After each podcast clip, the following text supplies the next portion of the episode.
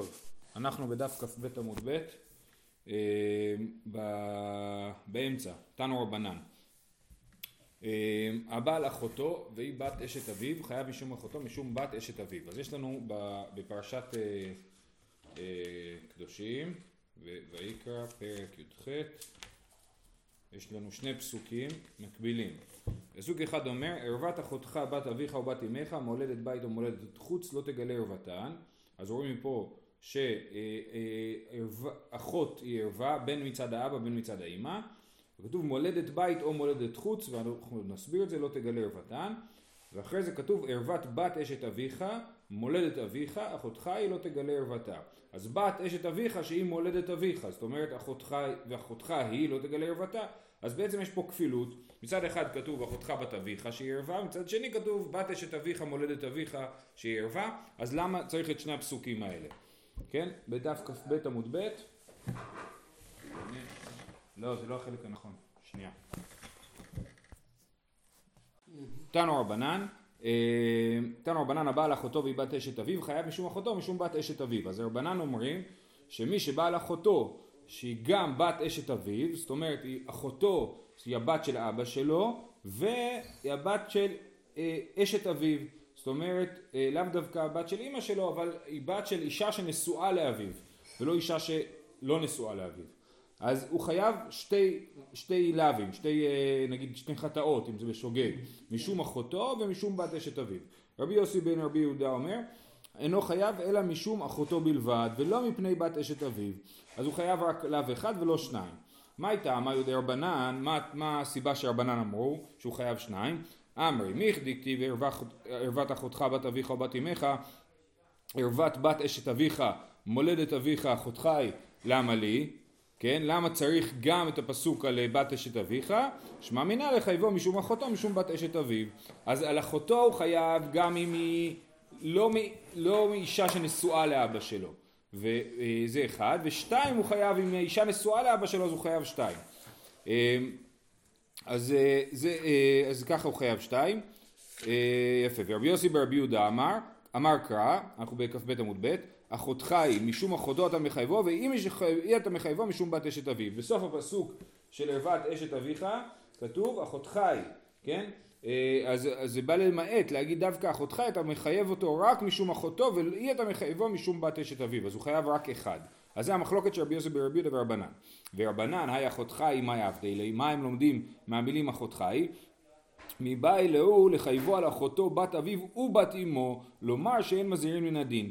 אם יש אה, אה, לאיש, לבן אדם, אה, אחות מאימא ומאבא, אבל האבא והאימא לא נשואים. זאת אומרת, האבא והאימא לא נשואים והם ילדו גם בן וגם בת, אז האדם הזה חייב על אה, ביאה על אחותו הזאת, כן? הרי לכאורה זה פשוט, שכתוב שאם היא הבת של אבא שלך או הבת של אימא שלך, אז אתה חייב. אז ברור שאם הבת של אבא שלך ושל אימא שלך אתה חייב, ולכן אומרת הגמרא לומר שאין מזהירין מן הדין, כן?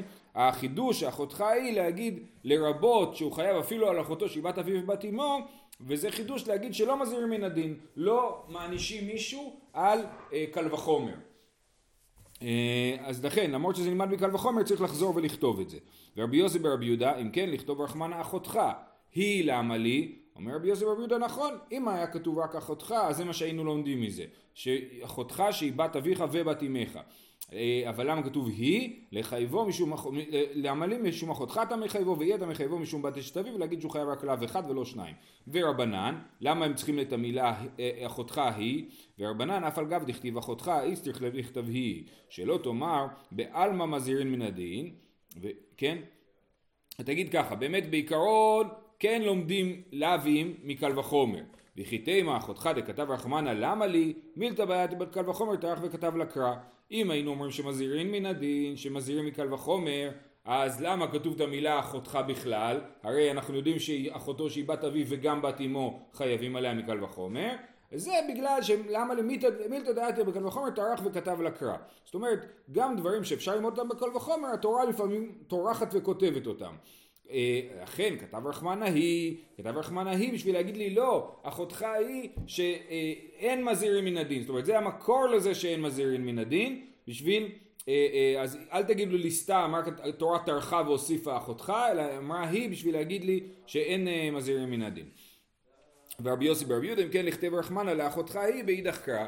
רבי יוסי ברבי יהודה אומר אם אתם צודקים אז היה צריך לכתוב את הפסוק אחותך היא בפסוק הראשון ולא בפסוק השני. שוב פעם יש לנו פסוק אחד ערוות אחותך בת אביך או בת אמך מולדת בית או מולדת חוץ לא תגלה ערוותן. הפסוק הזה לא כתוב שהאבא והאמא נשואים כתוב בת אביך או בת אמך.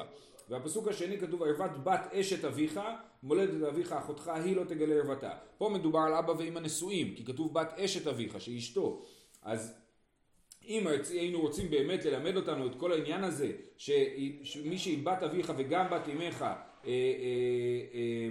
חייבים עליה ואין מזהירים מן הדין, אז את המילים אחותך היא, היה צריך לשים את זה בפסוק הראשון, שמדבר על, על, על אבא ואימא שאינם נשואים, אבל כשמדובר על אבא ואימא שכן נשואים, אז שם אנחנו, זה, זה לא מה שלומדים מאחותך היא, לומדים מאחותך היא למקרה שאבא ואימא אינם נשואים, ולכן זה מה שרבי יוסי ברבי יהודה אומר, אם כן לכתב וירחמנה לאחותך היא באידך קרא. אז זהו, סיימנו חלק א' של העניין. מצד אחד הסברנו איך אה, רבי יוסי ברבי יהודה מה הוא עושה עם אחותך היא ומה החכמים עושים עם אחותך היא.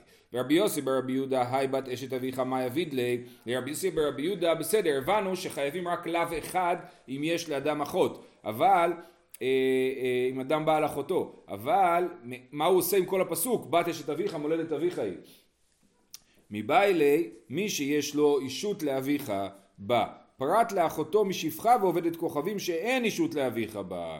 כן, מה הוא לומד מזה? שאם לאדם יש אה, בן ויש לו בת שנולדה לו משפחה כנענית או מגויה, אז השפחה והבת של השפחה או הבת של הגויה והבן לא נחשבים לאח ואחות ואם הוא בא עליה אז הוא לא חייב כלום, כן?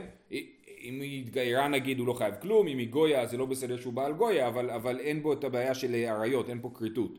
אמ, מבאי למי שיש לו אישות לאביך בה, פרט לאחותו משפחה ועובדת כוכבים שאין להביא, אישות לאביך בה, בת אשת אביך זה דווקא אישה שיכולה להיות אשתו של אביך, אבל השפחה לא יכולה להיות אשתו של אביך, ולכן הבת שלו היא לא אחותך.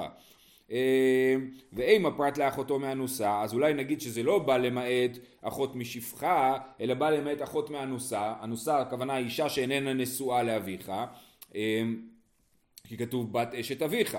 ההיא לא מצית אמרת מדי רבא, את זה אי אפשר להגיד בגלל מה שאמר רבא. מה רבא אמר? די רבא רמי כתיב ערוות בת בנך או בת בתך לא תגלה. הבת בנה עדידה ובת בתה עדידה שרי. כתוב ערוות בת בנך או בת בתך לא תגלה. אז אנחנו נדייק מזה דווקא הנכד שלך ממך, אבל אם זה הנכד של אשתך ולא שלך, אז זה מותר, אין בזה דין של ערווה. מצד שני, כתיב ערוות אישה או בתה לא, לא תגלה, את בת בנה ואת בת בתה, את בת בנה ואת בת בתה. אז אנחנו רואים שכן, הנכדה של אשתי, למרות שהיא לא הנכדה שלי, אסורה עליי. אז, אז, אה, אז מה נעשה עם הפסוק הראשון שממנו דייקנו שהנכדה של אשתי מותרת אליי? הכיצד? כאן באונסין, כאן בנישואין. ערוות אישה וביתה לא תגלה. דווקא אם אדם נשוי לאישה מסוימת, אז הנכדה שלו אסורה עליה, אסורה עליו. אבל אם אדם אנס אישה, אז נכדתה מותרת לו. כן? אז זה שכתוב כאן באונסין, כאן בנישואין. מזה אנחנו רואים שבאונסין אומר רש"י כאן באונסים ערוות בת בנך מאנוסתו לא תגלה הבת בנה מאיש אחר גלה דליו אשתך היא ומי הוא בנו מן האונסים בנו וכן ביתו ילקח גבי אחווה נמי אחווה אז מה אנחנו רואים? שבת בנך ובת, ובת בתך מאנוסתך היא כן הילדה שלך היא כן הנכדה שלך רק מצד אשתך אם, אם, אה, אם היא לא, סליחה, מצד, אם יש לאנוסתך נכדה כן? שהיא לא ממך, אז אתה אה, פטור עליה. ולכן אנחנו רואים שאדם, הילדים של אדם, גם מאונס, נחשבים לילדים שלו, ולכן אי אפשר להגיד שאם יש לאדם אח, מ, אה, מ, אם יש לאדם אחות שהיא לא מנישואים אלא מחוץ לנישואים, אז אנחנו אומרים שהוא אסור בה. אה, כי אנחנו אומרים שגם באונס, גם הילדים נחשבים ילדים והמשפחה נחשבת למשפחה. אונס זה כמובן לאו דווקא, אונס הכוונה היא כל דבר שהוא מחוץ לנישואים, לא מחוץ לנישואים במובן הזה של איש, אשת איש ששוכבת עם מישהו אחר, אלא מחוץ לנישואים, זאת אומרת לא בתוך uh, מסגרת uh, של נישואים. טוב, אז עדיין אומרים אולי הפסוק שאמרנו ערוות בת אשת אביך, לא, אמרנו שזה בא למעט אה, אחות מגויה או משפחה, נכון? אומרים אם הפרט לחייבי להבין, אולי זה בא למעט אם אדם אה, אה, התחתן עם ממזרת, כן, שאסור לו להתחתן עם ממזרת, הוא התחתן עם ממזרת, אז הבת שלה, שלהם לא תחשב לאחות של, ה, של האח ולא יהיה לו דין של ערוות אחותך. אמר רב פאפא חייבי להבין תפסי בו קידושין תפסי בו קידושין זאת אומרת האבא והאימא למרות שאסור לו להתחתן איתה אז יש הקידושין יש להם תוקף. כיוון שיש לקידושין תוקף אז איך אתה רוצה למעט את זה מהפסוק ערוות בת אשת אביך הרי בת אשת אביך אתה אומר שהיא אשתו לכן זה אסור. וגם אם חייבי להבין היא אשתו וזה אסור. כן, איך אנחנו יודעים שחייבי להבין תפסי בו קידושין, דכתיב בפרשת כי תצא, כי תהיינה לאיש שתי נשים, האחת אהובה ואחת צנועה. וכי יש אהובה לפני המקום ויש שנואה לפני המקום, מה זאת אומרת אהובה ושנואה? הקדוש ברוך הוא אוהב את כולם באותה מידה, כן? אלא אהובה, אהובה בנישואיה, שנואה, שנואה בנישואיה. מה זאת אומרת אהובה ושנואה? שהנישואים שלה שנואים, זאת אומרת היא לא אמורה להתחתן איתו. אמ, ואמר, זאת אומרת שהם חייבי להבין, היא לא אמורה להתחתן איתו, ואמר רחמנה כי תהיינה, זאת אומרת שיש לדבר הזה ממשות, תהיינה, יש לזה הוויה, אז לכן מזה אנחנו לומדים שחייבי להבין יש תוקף לנישואים שלהם. כיוון שיש תוקף לנישואים שלהם, אי אפשר להגיד שהבת של חייבי להבין אין לה דין של אה, אחות, אה, אה, אחותך, בת אשת אביך. ואם הפרט לחייבי כריתות, באמת, באמת בחייבי כריתות, אז אנחנו יודעים ש... אה, הנישואים לא תופסים. אדם נגיד מקדש את אחותו, אז, או, כן, אז הנישואים לא תופסים. אז בוא נגיד שבת אשת אביך בא למעט שאם אבא שלך בא חייבי כריתות ונגיד אשת איש או משהו והוליד ממנה בת אז היא לא נחשבת לאחותך אז אמר אבא אמר קרא היינו אומרים דבר כזה אמר אבא אמר קרא ערוות אחותך בת אביך או בת אמך מולדת בית או מולדת חוץ כן? אז כתוב מה זה מולדת בית מולדת חוץ בין שאומרים לו לאביך קיים בין שאומרים לו לאביך הוצא ואמר רחמנה אחותך היא כן? אז מה זה מולדת בית ומולדת חוץ בין אם אנחנו אומרים אישה ש, שלאבא יש אישה שאומרים לעשות שתישאר בבית בין אם יש לו אישה שאומרים לו אה, שלא תישאר בבית תוציא החוצה כן? בכל אופן היא נחשבת אה, ל, ל, לאחותך וזה אה, אסור כן? ואמר רחמנה אחותך היא אז, אז, אה, אז אה, אוקיי, אי מה, אומרת הגמרא אולי נלמד מזה משהו אחר, בין שאומר לו אביך קיים, בין שאומר לו אביך הוצא ואמר רחמנה אחותך היא, לרבות אחותו משפחה וגויה, אולי נגיד ההפך, נגיד שמה הכוונה? מולדת בית או מולדת חוץ, בין שאבא שלך, אבא שלך אז אני חושב במובן של הקדוש ברוך הוא, אומר לך קיים, אתה יכול להישאר עם האישה הזאת, או אבא שלך אומר לך הוצא, בכל זאת היא אחותך, כן, מולדת בית או מולדת חוץ, אחותך היא. מה זה מולדת חוץ? מישהי שהקדוש ברוך הוא אומר לך, לא, לא לאבא שלך, אלא לך לא, לא להיות איתה. כגון מה? אה, אה, ואז מה זה לרבות אחותו משפחה וגויה. מזה נלמד שאחותו משפחה וגויה גם כן יש בזה איסור עריות. אז בניגוד למה שרצינו לדרוש בהתחלה, אמר קרא, בת אשת אביך, מי שיש לו אישות לאביך בה, פרט לאחותו משפחה וגויה. ומה ראית? למה אתה מעדיף לדרוש שחייבי כריתות, שבת מחייבי כריתות כן נחשבת לאחותך, ובת משפחה וגויה לא נחשבת לאחותך. הרי גם בחייבי כריתות וגם בשפחה וגויה לאבא אין קידושין, לא תופסים הנישואין. אז למה אתה דורש ככה ולא להפך?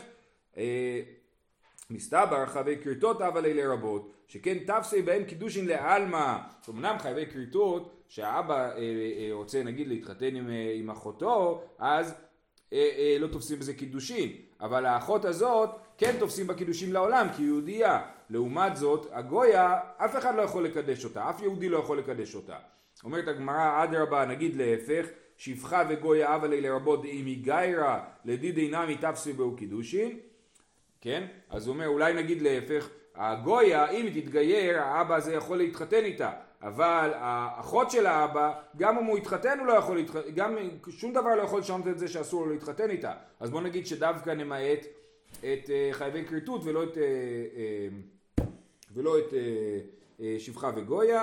תשובה, לכי מגיירה, גופה אחרינאי. אם היא מתגיירת זה גוף אחר לגמרי, זה משהו חדש, זה לא אותו בן אדם, ולכן אין מה להגיד אם היא תתגייר תהיה מותרת, אם היא תתגייר תהיה בן, אם היא תתגייר תהיה בן אדם אחר, אז נדבר על הבן אדם האחר הזה. זהו, סיכום. אה, אה, רבי יוסי ברבי יהודה, אה, מה הוא למד מהפסוק בת אשת אביך? למעט שאם אנחנו מדברים פה על איסור ערוות אחותך, כן? וכתוב ערוות אחותך, אז למה כתוב גם ערוות בת אשת אביך? להגיד שאם לאבא שלך יש ילדה מגויה, אז ואתה בא עליה, אז אתה פטור וזה לא נחשב שהיא אחותך. ניסינו לבחון את הדרשה, לתקוף את הדרשה ולהגיד אולי הכוונה היא שזה, שלאבא שלך יש בת מחייבי כריתות או משהו, והצלחנו אה, לדחות את כל ההתקפות ונשארנו עם הדרשה הזאת של רבי יוסי ברבי יהודה, שהוא לומד שאדם פטור על אה, אחותו מהגויה ומהשפחה, מפסוק בת אשת אביך. ורבנן, למהות שפחה וגויה מינה להו, מאיפה רבנן יודעים? כי הם למדו מהפסוק בת אשת אביך שאדם שבא על אחותו חייב שני לאווים. אז מאיפה הם יודעים שבת, אשת, שבת של שפחה ועובדת כוכבים, אדם לא חייב על זה, אין בזה דין של עריות, מינה להוא, נפקא להוא, מהאישה וילדיה תהיה לאדוניה. את זה גם ראינו בתחילת הפרק, כן, כתוב על שפחה, האישה וילדיה תהיה לאדוניה. סימן ש... אה, סימן שהיא לא שייכת לאבא. העבד, אה, העבד היה עם השפחה, השפחה וילדיה תהיה לאדוניה. אז סימן שהיא לא נחשבת, לה, לה, הילדים שלה לא נחשבים לילדים של, ה, של האבא אלא של האדון. ומזה אנחנו מבינים שהיא לא נחשבת לאחות של הבן של אותו אבא. ורבי יוסי ברבי יהודה, חד בשפחה וחד בגויה. רבי יוסי ברבי יהודה אומר נכון, האישה ולדעת תהיה לאדוניה, מזה אני לומד שהבת של השפחה היא לא אחותך. ומהפסוק בת אשת אביך אני לומד על הבת של הגויה. אחד בשפחה ואחד בגויה. אז למה צריך שני פסוקים, אחד לשפחה ואחד לגויה? בוא נגיד, נלמד את שתיהם ממקור אחד. וצריכי, דיה שמואנן שפחה, משום דאין לה חייס, אבל עובדת כוכבים דאית לה חייס, אימה לא. מה ההבדל בין שפחה, שפחה לגויה? לשפחה אין שום ייחוס. זאת אומרת, לילד הזה הוא כאילו ילד שנולד, אה, נו, כמו אותו האיש, נכון? נולד מהאוויר. אה, אה, אז אין, אין לו שום ייחוס, אין לו אבא לילד הזה. לעומת זאת, אצל גויים יש ייחוס, יש אדם שיש לו אבא, ו... זאת אומרת אצל גויים אני לא אומר אני לא יודע מי אבא שלך, לא, אני יודע מי אבא שלך, איך יודעים את זה? יודעים את זה משש, מזה שמציינים שמות של מלכים גויים, אומרים בלדן בן בלדן, אז אנחנו מבינים שהוא הבן של אבא שלו, כן? אז לגויים יש ייחוס ולשפחה אין ייחוס, לכן הייתי אומר שדווקא שפחה היא לא אחותך, אבל בגויים שיש להם ייחוס אולי הוא כן יהיה אחותך.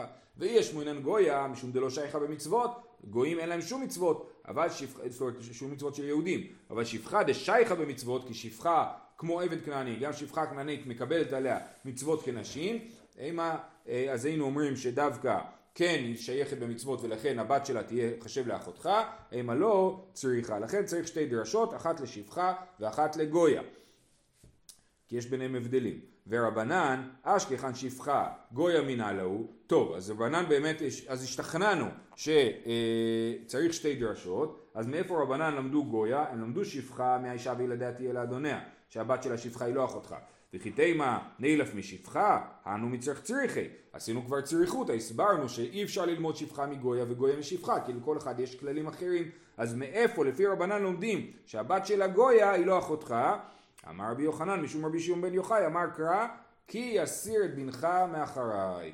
כן? זה אה, דרשה מעניינת בתחילה בספר דברים פרק ז' כתוב בפסוק ככה אה, ולא תתחתן בם בתך מדובר על שבעת העממים בתך לא תיתן לבנו וביתו לא תיקח לבניך כי יסיר את בנך מאחריי ועבדו אלוהים אחרים. אז מה, מה, מה הפסוק אומר? אל, בתך לא תיתן לבנו, ביתו לא תיקח לבניך, כן, אל תתחתן איתם. לא הבת שלך עם הבן שלו, ולא הבן שלך עם הבת שלו. למה? כי יסיר את בנך מאחריי. מי יסיר את בנך מאחוריי? הגוי. הגוי, לא כתוב כי תסיר את בנך מאחוריי, שכאילו אשתו של הבן שלך תסיר אותך. אלא כי יסיר את בנך מאחוריי, זאת אומרת שהבן שלך זה הנכד שלך בעצם. אז הוא, מי יסיר? האבא הגוי יסיר את הנכד שלך מלעבוד אה, אה, את השם וילך לעבוד עבודה זרה. אז מה אנחנו רואים מזה? שהנכד שלך מהבת שלך הוא נחשב לנכד שלך. נכון? כי יסיר את בנך מאחריי, הגוי הוא גוי והנכד הוא נכד שלך. מזה אנחנו לומדים, כי יסיר את בנך מאחריי, בנך מישראלית קרוי בנך, ואין בנך בא מן הגויה קרוי בנך. אלא בנה. אלא בנה. יפה. אמר אבינה שמע מינה בן בתך בא מן הגויה קרוי בנך. נכון? אז אנחנו לומדים את זה גם שאדם שהתחתן עם גויה אז הבן הוא שלו הוא לא שלו וגם אדם שהבת שלו התחתנה עם גויה סליחה, שהבת שלו התחתנה עם גוי, אז הנכד הוא כן שלו, כי זה, אנחנו יודעים שהיהדות נקבעת לפי האימא, מפה זה המקור לדבר הזה. לימה כסבר אבינה, כן רבינה אמר שמע מינה בן ביתך בא מן הגוי הקרוי בנך, לימה כסבר אבינה עובד כוכבים ועבד הבעל בת ישראל הוולד כשר, יש לנו מחלוקת שאנחנו נראה בהמשך המסכת מה הדין של גוי שבא על יהודייה, האם הילד הוא כשר או לא כשר. לכאורה הוא בכל אופן יהודי, השאלה אם הוא כשר או ממזר, כן? אז למה כסבר אבינה עובד, עובד כוכבים ועבד הבעל בת ישראל הוולד כשר? אומרת, אה, אומרת הגמרא, נהי דממזר לא הווה, כאשר נמי לא הווה, ישראל פסול מקרי. זאת אומרת רבינה אמר שמע מינה בן ביתך עובד, בן ביתך בא מן הגוי קרוי בנך, אז אנחנו מבינים שהוא מתכוון להגיד שהבן, הנכד שלך הוא כשר למרות שאבא שלו גוי. אומרת הגמרא, לא, הוא לא התכוון להגיד את זה, הוא התכוון להגיד שהוא לא ממזר, אבל הוא גם לא כשר, הוא קרוי בנך, הוא ישראל פסול. יש פה גרסה הפוכה בסוגיה הזאת, אבל אה, אה, ככה רש"י גרס את הסוגיה. אה, לא, תודה, תודה. היי בשבעה אומות כתיב, אומרת הגמרא, רגע, אי אפשר להוכיח מפה לכל הגויים, הרי הפסוק הזה כי אסיר בנך מאחוריי נאמר על שבעה אומות שהיו, ב, שהיו בארץ ישראל. אולי כל הגויים האחרים הדין הוא אחר. תשובה, כתיב כי יסיר לרבות כל המסירים, כן? כי יסיר את בנך מאחוריי זה לרבות כל מי שמסיר, כל אדם שאיננו יהודי ועובד עבודה זרה אז הוא מסיר את בנך מאחוריי אז מה אכפת לי אם זה משבעה עממין או ממישהו אחר. הניחא לרבי שמעון דדר יש תמא דקרא אלא לרבנן מנהלו יש לנו כלל שרבי שמעון דורש תמא דקרא כן? מה זה אומר? שכתוב אה, משהו, רבי שמעון אומר אני מבין מה הטעם של זה ולפי הטעם אני אסביר את, ה, את העניין. אבל אז פה זה טעם הפסוק, כתוב לא תתחתן בם, בתך לא תיתן לבנו, ביתו לא תיקח לבניך, כי יסיר את בנך מאחוריי, זה הסיבה. למה התורה צריכה לכתוב לי סיבה? לפי רבנן התורה צריכה לכתוב לי סיבה, כי אני לא דורש תמא דקרא. רק אם התורה אומרת לי מה הסיבה אני יכול להבין מה הסיבה, אבל אם התורה לא אומרת לי מה הסיבה, אני עובד בעולם שאני לא יודע מה הסיבות. רבי שמעון אומר, אני כן דורש טעם הפסוק, ולכן אז תורה לא צריכה לכתוב לי את הטעם, והטעם הוא מיותר בשביל לדרוש ממנו. אז לכן, כשכתוב כי יסיר את בנך לרבות כל המסירים, סימן שזה מדבר על מי? זה רק לשיטת רבי שמעון אפשר לדרוש את טעם הפסוק, כי זה מיותר. אבל אלה רבנן שלא דורשים טעם הדקרא, ופה הם צריכים שהתורה תכתוב להם את הטעם, אז מנהלה הוא מאיך הם לומדים שלא רק שבעה עמומות יש בעיה, אה, הבן שלהם הוא לא נחשב, הבן של אה, הבת הוא לא נחשב לזה, ליהודי. אה, מן תנא דפליג די רבי יוסי ברבי יהודה, רבי שמעוני. הרי רבי יוסי ברבי יהודה הוא היה לו דרשה אחרת, שבת אשת אביך, שהבת שלך מן הגויה לא נחשבת לאחות, לאחות, נכון? הבת, סליחה, הבת אה, של אבא שלך מן הגויה לא נחשבת לאחותך. זה היה הדרשה של רבי יוסי ברבי יהודה. חכמים כאילו חלקו עליו ואמרו אנחנו לומדים מפסוק בת אשת אביך משהו אחר אז אומרים מי זה החכמים האלה? זה רבי שמעון. ורבי שמעון מאיפה הוא יודע? שהבת שלך מן הגויה לא נחשבת לבת שלך מהפסוק של כי יסיר את בנך מאחוריי ותגיד מאיפה אני יודע שזה נכון לכל הגויים ולא רק לשבעה אומות?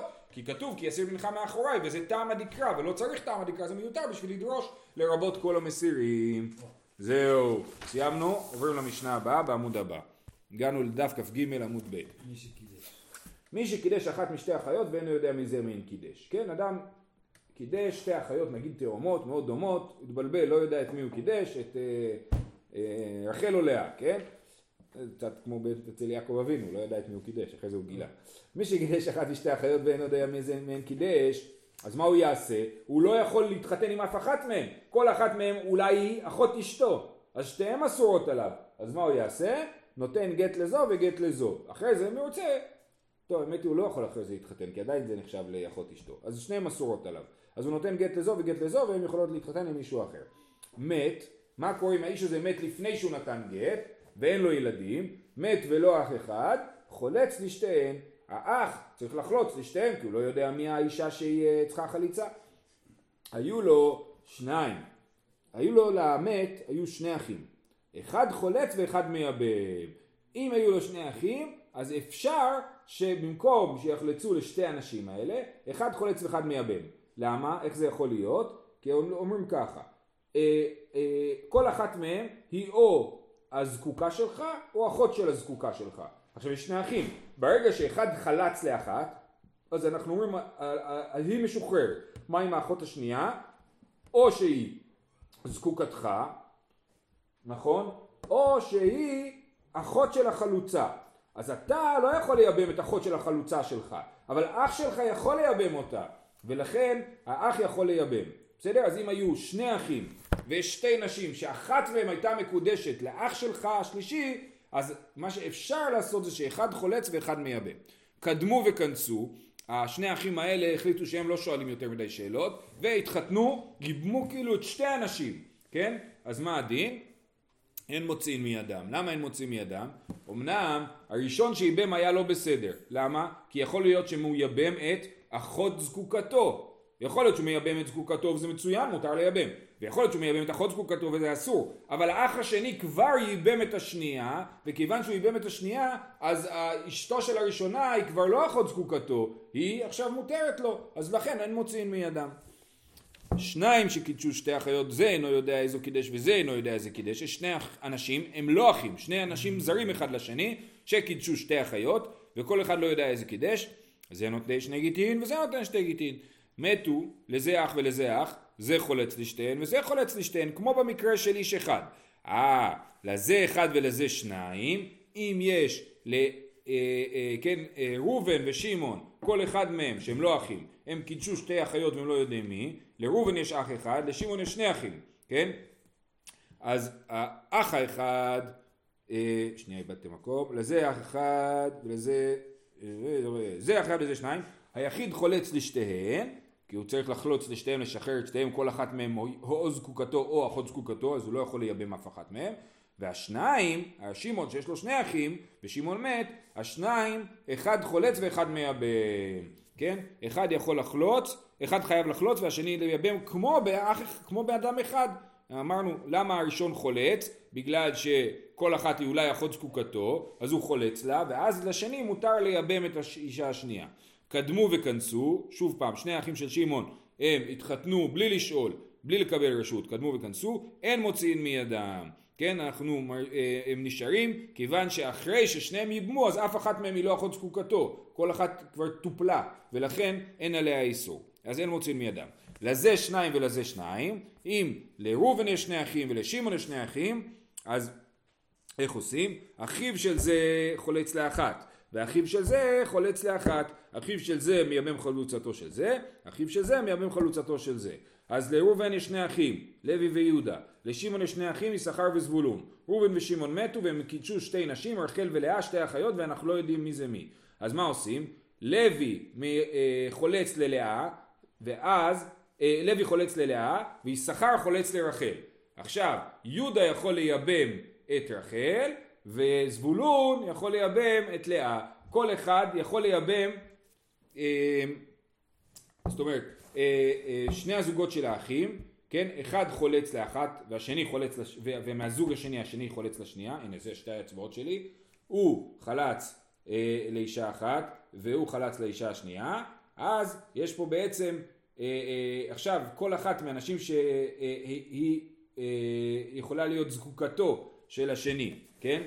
אה, עוד פעם, זה חולץ לשניהם, זה חולץ לשניהם, אמרנו אה, שני אחים, אחיו ש... אה, אחיו שחולץ לאחד ואחיו של זה מייבם, סליחה, איבדתי.